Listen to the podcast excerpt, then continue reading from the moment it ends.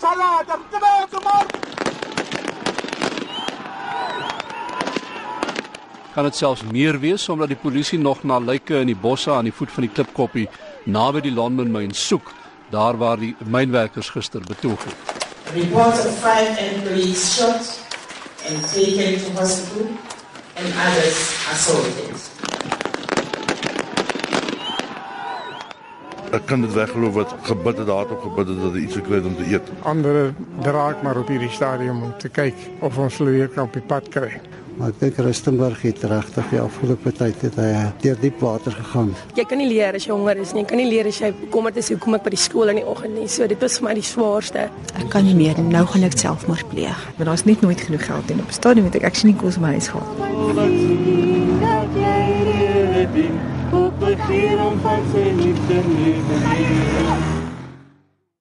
Rustenburg. Die letsels van 'n staking. Die 5 maande lange staking in die platinum-bedryf het die land geruk. Die ekonomie het geval, buitelandse beleggers het onttrek en besighede trek swaar. Nou is die staking verby en die land gaan aan. Maar wat het werklik met Rustenburg en sy mense gebeur? Watter letsels het die staking gelos?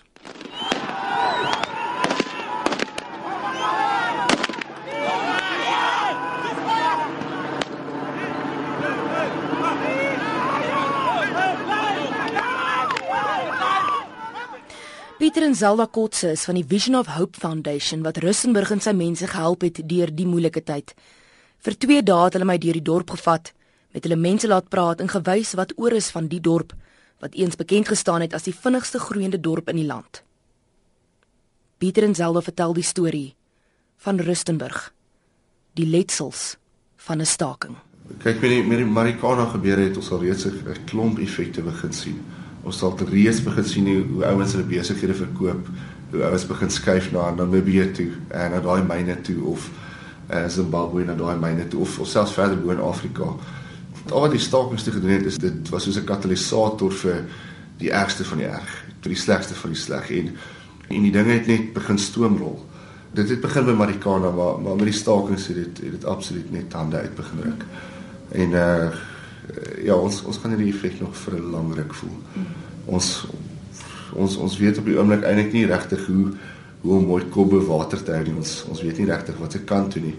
Maar almal moet aangaan. Ons ons hoop maar net dat dat die effek van al die goed uh, binnekort sal ophou. Ons ons het byvoorbeeld gesien met die met die begin van die stakings was dit so 'n maand gewees toe begin alles uitmekaar uitval. En na 2 maande toe begin die winkels toemaak. En na 3 maande begin die ouens karre terugneem en en die banke sê net eenvoudig hulle hulle neem eerder die kaart terug as as wat die ouens oor die grens vlug en dalk die kaart daar verkoop of uh, een van daai dinge hulle hulle sit eerder die die huise op veilinge voordat hulle lenings toestel want hulle weet nie wat wat gaan gebeur nie. Mike Schuessler ekonom by economists.co.za verduidelik wat die staking aan Rustenburg se ekonomie gedoen het. Maar wat ons wel weet wat ons gesien het is dat hulle water en elektrisiteitsrekeninge het kwai gedaal en hulle erfbelastings het ook gedaal. So die munisipaliteit het beslis nie al hulle geld ingekry nie. Skoolgelde gaan nie ingesamel word behoorlik nie. Ek dink die ekonomie daar het waarskynlik dramaties gekrimp meer so as die res van die Suid-Afrikaanse ekonomie en ek sou sê dat die mens praat van waarskynlik 'n 10-20% daling omdat ons nie nou die syfers het nie is dit effens moeilik, maar ek kan dit vir jou sê, mense gee nie sommer oornag op op hulle water elektrisiteitsrekeninge en sulke basiese goed nie. Ja, daar's altyd mense wat dit nie betaal nie. Maar die tipe van dalings wat ons van gehoor het van 27% en 33% en sulke tipe goed, wys vir jou dat daar groot nood was in Rustenburg in daai tyd. Alhoewel Mike sê dat Rustenburg swaar gekry het, vertel Zelda dat die besigheidsmande en Russenburg se mense steeds bitter swaar kry. Ek sê mense wat in die mynbedryf self is, jy kontrakteurs, die besigheidsmande, mense wat jy gewoon in jou tyre winkels het, mense gaan nie daai luksus met doen nie. As jou bande klaar is, jy gaan dit nie vervang nie. So jy besigheidsmande wat moet instaan vir klomp families. Hulle voel die ergste want hoe verduidelik jy vir iemand ek kan jou nie hierdie maand betaal nie, maar eintlik werk jy self nie op die myn nie. En ek dink dis wat baie mense nie besef nie. is dat die dit is 'n groter, dit is 'n bose kringloop op die oomblik. Die mynstaking het gebeur, maar die ander besighede voel dit nou want hulle kom nie aan die gang nie want daai mense moet nog steeds hulle ek het nou gehoor baie mense is agter met hulle huur as gevolg van dan praat ons van R30000 agter op huur. En hoe gaan hulle nou in elk geval daarvoor instaan? Jy kry maar nou, jy kan nou jou salaris, maar jy kan nie R30000 se huur nou betaal nie. So jy ontvang net maar 'n prokureursbrief. Bianca Barnard is die bestuurder van 'n winkel in die dorp. Sy vertel hoe die staking hulle besigheid geraak het. Nee, dit het ons baie baie beïnvloed. Besigheid was baie baie af. Ek kan nie vir jou beskryf eintlik hoe af was dit nie.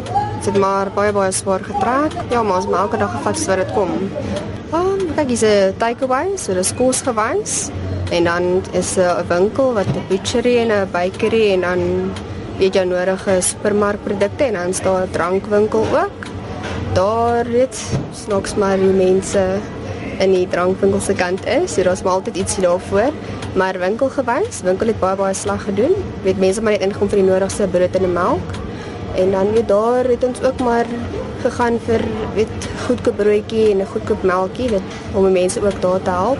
En takeaway gewys het dit ook baie afgegaan. Ons het glad nie iemand afgestel nie, maar ook so, as ek sê moeilik gegaan, maar ons het almal vasgebyt, almal het mekaar gehelp in die tyd van nood, so almal is maar nog steeds hier so en ons gaan almal nog aan.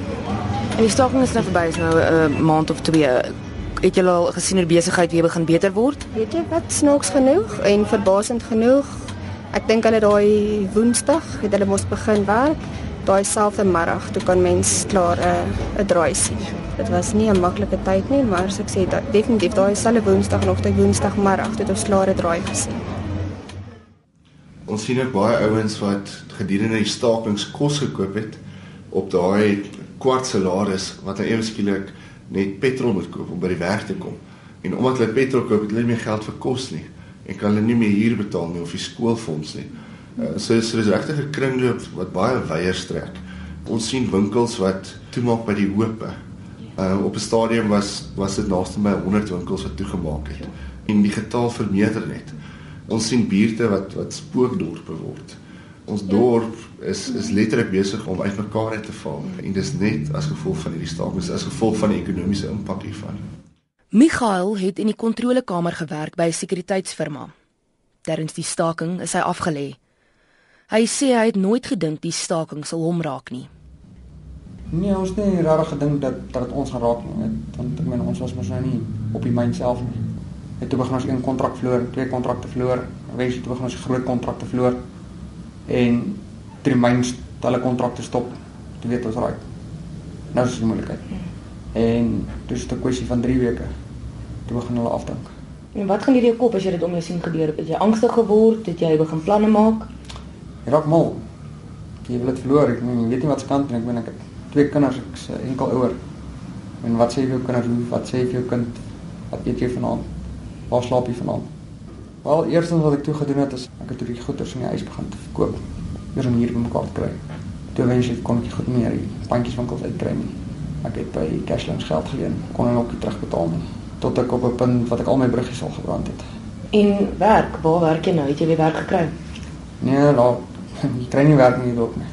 Jou seentjie hy vaar nie nou te goed op skool nie. Men hy's nou in broodjie klas en kry kospakkies by skool. Hulle verstaan dit nie reg nie. Hulle hulle weet nie wat gaan aan nie. Klein Hendrik nou reg kom en nou met sê. Maar was ons ook arm. Is dit goed om arm te wees, man? Ek voel nie ons nie arm nie. So skatryk. Toe nou hier nog maar duidelik sê al, solank jy die gees in jou hart het, is jy ryk wat jy wil wees. Die woord van die Here sê iets soortgelyk as daar staan in Prediker 5 vers 14 self gaan hy taal uit die wêreld uit soos hy daarin gekom het ek kan niks met hom saamneem vir al sy inspanning nie en dalk die tweede saak miskien belangriker as die eerste saak wat jy het is nie wie jy is nie wie en wat jy is het niks te maak met die groot huis waarin jy bly die kar wat jy bestuur die werk wat jy doen of die klere wat jy aan het nie Jesus praat daaroor in Lukas 12. Hy sê 'n mens se lewe is nie afhanklik van die oorvloed van sy besittings nie. Dis 'n uh, Lia met die pink. Hm? Sy hardloop soos die hele huishouding maak vir almal kos en so vir kinders by die skool kom en so. Ja, hoeveel mense is julle wat hierso bly? Op die oomblik is ons 29 mense wat in die huis bly, 11 is kinders, 18 volwassenes. En hoe het gebeur dat almal in een huis hierso bly? Ag, dit kom al 'n lang pad want ons het eers saam met my skoonouers op 'n plot gebly by Sandra Spark. En toe hulle twee eers is pa oorlede en 'n jaar daarna het is ma oorlede en so het ons kinders maar altyd maar so saam gestaan, saam staan. Finansieel, ja, gaan dit baie swaar. Ons kan nie blyplekkies van ons eie bekostig nie. So ons almal klap nou maar saam om mekaar in die lewe te hou en 'n dak oor ons koppe te hou. Vision of Hope help daarin baie. En daarvoor is ek baie dankbaar. Dis 'n drie slaapkamer huis en dan het ons 'n woonstel wat 'n wat hulle 'n slaapkamer het en dan 'n garage wat ons 'n slaapkamer ontskep het. En hoe bestuur julle hierdie huishouding? Want dis 'n hele klompie mense. Ag, elke vroutjie wat kinders het, doen maar 'n deeltjie. Elke ma sorg dat haar kinders gebad kom, regkom vir skool en een van ons sorg vir die wasgoed, en een sorg vir die vir kos maak en die ander een sorg vir dat die huis skoon maak. So ons lewe mos lekker saam. Klein produksiespan met julle. Ja, ons het. En die kinders, jy sê jy's 11 kinders hierso. Ja, um, op die oomblik het ons 4 in laerskool David Brink. Enetjie is in in laerskool Rustenburg, dan het ons 3 wat in 'n Powelskool is en dan het ons een kind wat in buitengewone onderwys is. Ander oorwen, ons moet maar kop bo water hou, hoe kan ons maar? Ja, kyk al hierdie huise staan leeg. Mense wat uitgetrek het. Ja, ja. Almal, almal, almal is leeg. Hele kompleks. Daar's nie een mens wat hier bly nie. Nie een nie. Nie een nie. Die mense wat uit daai kompleks uitgetrek het, is dit mense wat nou uit die dorp uitgetrek het, meeste of waar bly hulle? Ja, kyk hulle hulle het nie meer werk nie. So hulle is hulle is of uit die dorp uit op soek na na werk op 'n ander plek of of beter geleenthede. Uh, of hulle is eenvoudig net na na kleiner plekkies toe na na Wendy huise toe na 'n plekkie agter in iemand anders se erf of of selfs dan van die plakkerskampe wat wat hier rond is. Dis dis die realiteit van van hierdie situasie. Pieter en Zelda vertel van mense wat uit die dorp uitgetrek het of nou in plakkerskampe woon. Dinge was vir party gesinne so erg dat hulle in hulle motors moes bly. Dion was 'n ketelmaker op die myn. Die staking het begin net soos sy volgende kontrak op die myn moes begin. Dit is nou by huis, die mense het agter in hulle erf Wendy houses wat jy kan huur dan teen R2500. Dan is dit gemeubileer en ongelukkig is dit die goedkoopste verblyf in Rustenburg. So baie mense gaan nou vir daai opsien dan sien ook karavane waar mense bly. En dan gaan ons nou met Dion praat. Hy het verlang in sy bakkie gebly en ons het hom nou gehelp met verblyf. Okay, ek het ek het in die bakkie geslaap ek en die vrou. Toe die kerk my gehelp. Toe meneer nie. Ek sê baie dankie daarvoor. En ek sit nog steeds sonder werk. En ek al my goed verloor. Dankie kerk het my gehelp. En dis dit. Hoe lank het julle in die kar gebly? 6 weke. Ja, ek bak die laaste bakkie vir my daar staan. En bakkie geslaan. Het jy goed in die huis begin verkoop? Wat was die proses? Ja, ek het my goed gaan verkoop. Ek het gaan pontjie op te vat. Net om aan die lewe te bly. Ek meen, wat kan jy anders doen? Beter is dit om te steel, nou. ek is nie persoon met steel. Ja. En nou bly jy nie meer in die kar nie, waar bly jy nou? Ek bly net hier so daar in daai kamertjie waar die vrou staan. Hmm. En dom nie net het mos gel. En die tyd wat jy in die kar gebly het, waar het die kar gestaan? Hier by engine garage hier daar by vier rigting is. Hmm. Daar by engine garage. Daai kar net daar, ons het daar gestaan. En het julle hulle toegelaat dat julle daar staan alkohol? Ja, daar kan ons staan. Het jy met die bestuurder gepraat ja, oor die tyd? Nee, ek het nie met ons met die petrologgies daar gepraat. Ons het gevra ons kan ons daar staan en almal geweet ons staan daar. En ons het die polisie was elke dag, die polisie was daar by ons gewees. En die polisie staan elke aand daar gestaan. Hmm. Nou, ek was veilig. Ek het vroeër gepraat van mense wat nou soos dames wat prostituie moes geword het om hulle families te help. Dis dames wat hulle self so besig hou by die huis omdat die mans mans genoeg geld inbring. Maar uh, vanaf die mans by die huis sit of of afgedank is by die kontrakteurs omdat die kontrakteurs nie meer werk het nie. Uh, het hulle net geen ander keuse gehad nie. Hulle hulle moes na hierdie werk toe gaan. En daar is nie werk by die winkels nie daar, daar is nie werk by enige van die plekke nie. So so die vrouens het moes moes regtig inspring. Hulle moes die harde werk begin doen. Hulle moes die geld begin genereer en en al maniere hulle dit kan doen is is deur op straat te gaan. Vergifnis of verwagting, kom nie beste ons Ons weet nie hoeveel wils verand op straat ek sien hier staan klaar ene hierso. Uh, die polisie is ook besig met 'n klopjag op die oomblik. Ons gaan basies hulle approach en dan gaan ons bietjie met hulle gesels. Maak keer wys hulle vir ons foto's of ehm uh, as hulle vra hulle wil uitkom, hulle kan met CMR toe gaan. Guys, like straat 74A. Some of them they're from Botswana, some of them they're Swaziland, Mozambique and Lesotho and so on. And some of them their wives are working different jobs. Some of them they are teachers from different provinces. Some of them they are working here in Rustenburg at the mines. So they need us more. They support us and then we are living with this money. And now that the strike is over, can you see an improvement in business? Yes, ever since the strike was over, we see the improvement. We have money now. Mm. Yes. Hallo. Hallo. Hallo, goed en jy? Kerk mense. Ja. Moenie nou vir my bid want ek is drank. Okay, wil jy kyk, wil jy nie gou net uh, dink om nou aan drank? Ja, ons wil nie bid nie, wil jy net gou dink om doen hierso. Kyk, kom by die bid.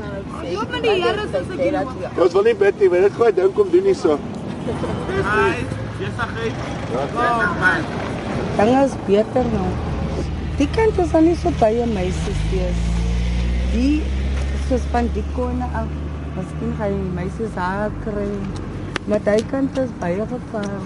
Ek jy hulle lyk van 'n roop en steek. Daar gaan jy hoor jy hulle word altyd dood gesteek en alles. Maar julle die Here saam met almal van ons. Ja, baie. Maar nou dinge is beter. Dankie julle ook. Okay. Ja, dis reg. Kan ek kan ek sien mos ek kan kan maar sterk is alles.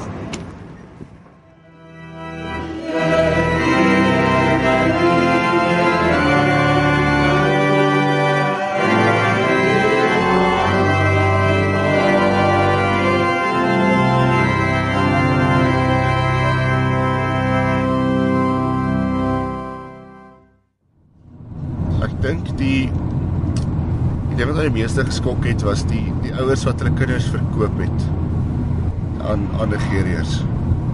Uh en en dan sit nou vir geld of vir dwelms en uh om daai kinders te gaan uithaal en te sien hoe daai kindertjies net net verwaarloos is. Uh, en eintlik mishandel is. Dit dit het my baie geskok. Ja, in 'n geval het ons het ons vier kindertjies gaan uithaal en uh interessant genoeg van die Nigeriër die polisie gebel het en gesê het maar hy kon dit nie meer oor sy hart kry om om hierdie kinders daar te hou nie. So so dit was ook so 'n stukkie genade. Maar uh maar oor die algemeen as as die die polisie of die intelligensie ons nie laat weet nie dan gaan daai kinders verlore of of hulle word 'n deel van mensehandel. Ja, die die eerste geval wat ons al gekry het uh by so 'n Nigeriër was uh die ouers wat wat hulle hulle dogter verkoop het en die dogter was 15 jaar oud. Het dit een van die Nigeriërs haar swanger gemaak nadat hy haar verkrag het. En uh dit hulle eenvoudig het haar maag oopgeskop uh om ons later raak van die babatjie. En uh dit het ons ook daar daar saam met die polisie gelukkig gekry. Uh terwyl sy besig was om weg te hardloop. Toe ons van die strate uitgaan. Maar uh, maar dis 'n tipe goed wat gebeur hier. Die ouers dink nie daai daai kind se lewe is vir ewig verwoes. Sy sy staan nie 'n kans in die lewe nie. En dit het natuurlik alles gebeur van die staking af. Dis alles van die staking af, ja. Ja, ons het, ons is betrokke by die skole se voedingsskema. So ons het 'n verbintenis met die een skool. Ons staan in vir mediese onkoste, vir tasse, vir skoene, vir alles wat klaar raak, jou wintersklere. So as hulle iets nodig, gaan kontak die juffrou my en sê ons kort nou dit en dit en dit of die skool kontak my ook en sê ewe skielik hierdie maatjie bly hulle bly nou in die parkie. Maar hulle altyd in 'n huis was, dan kyk ons of ons so vinnig as moontlik vir hulle dan verblyf kan kry. Ons het 'n ooreenkoms dat ons sal help met hier vir 3 maande en dan sal ons weer daarna dit analiseer en kyk wat gaan ons verder doen. So baie keer gaan die 3 maande na 4 en 5, maar ons het 'n onderhouding met almal wat ons dan nou help en dan het ons ook gee ons ook kos. So jy gee jou warm ete. Gee ons dan ook vir die kinders en ons het nou die afgelope vakansie 'n kinderweek gehad waar 650 kinders vir die week gehad het en hulle drie etes by ons ontvang. En dan ehm um, het ons ook 'n projek waar ons tienermeisies en tienerseuns dan help met daai benodighede wat jy nou nêrens anders gaan kry nie. Maar hoor jy te skaam is om te vra voor. So ons help daarmee ook. Met 'n ongelooflike span het Pieter en Zelda hulle gemeenskap gehelp waar en hoe ook al dit moontlik was. Maar Zelda vertel hoe hulle dit alles beleef het. Laas jaar Augustus, jy weet van die Marikana staking, maar jy dink ag dis nog ver. Dit het nou eintlik nog niks met jou te doen nie.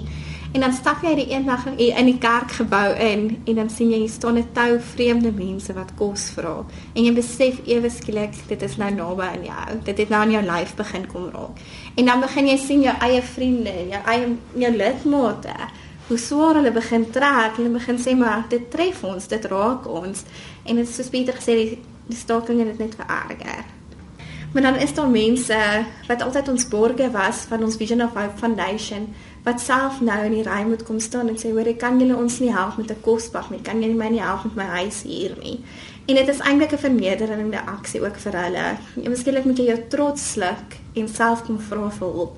Ek dink een van ons kan regtig verstaan hoe dit regtig moet voel om in daai posisie gesit te word nie dinge begin beter lyk like, en dit tel op maar ons hou maar hoop en geloof wat ons kan doen en ons moet ons bes te doen.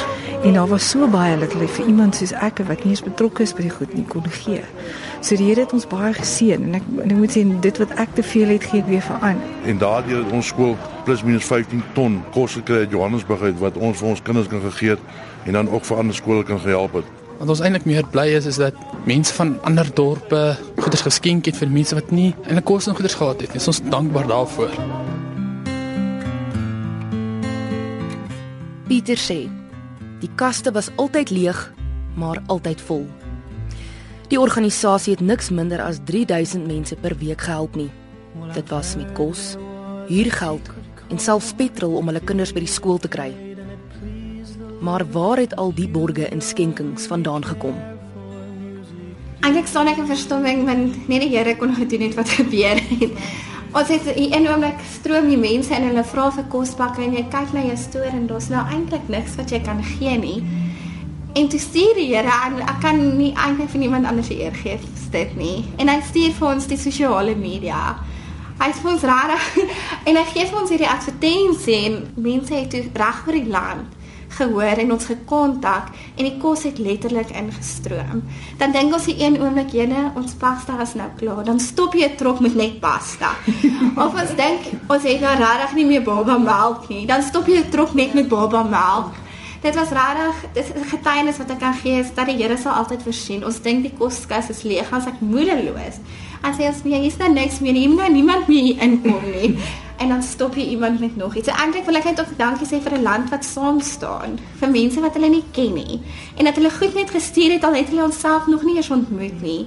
Maar ek waardeer dit so baie. Tannie uit Richards Bay wat met baie nog geld wat sy met pannekoeke verkope ingesamel het vir ons inbetaal. Dit is daai goed maak die wêreld se verskil. So eintlik wil ek dankie sê ook. Dankie vir vir ons land wat saam staan.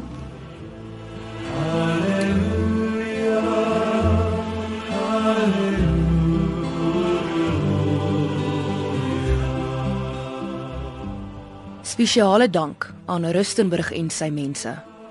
Vision of Hope organisasie en veral aan Zelda en Pieter Kotse vir julle moeite. Rustenburg. Die letsels van 'n staking. 'n Dokumentêr deur Christel van Tonder. Dinge wat ek laastyd gebeleef het, nê. Nee.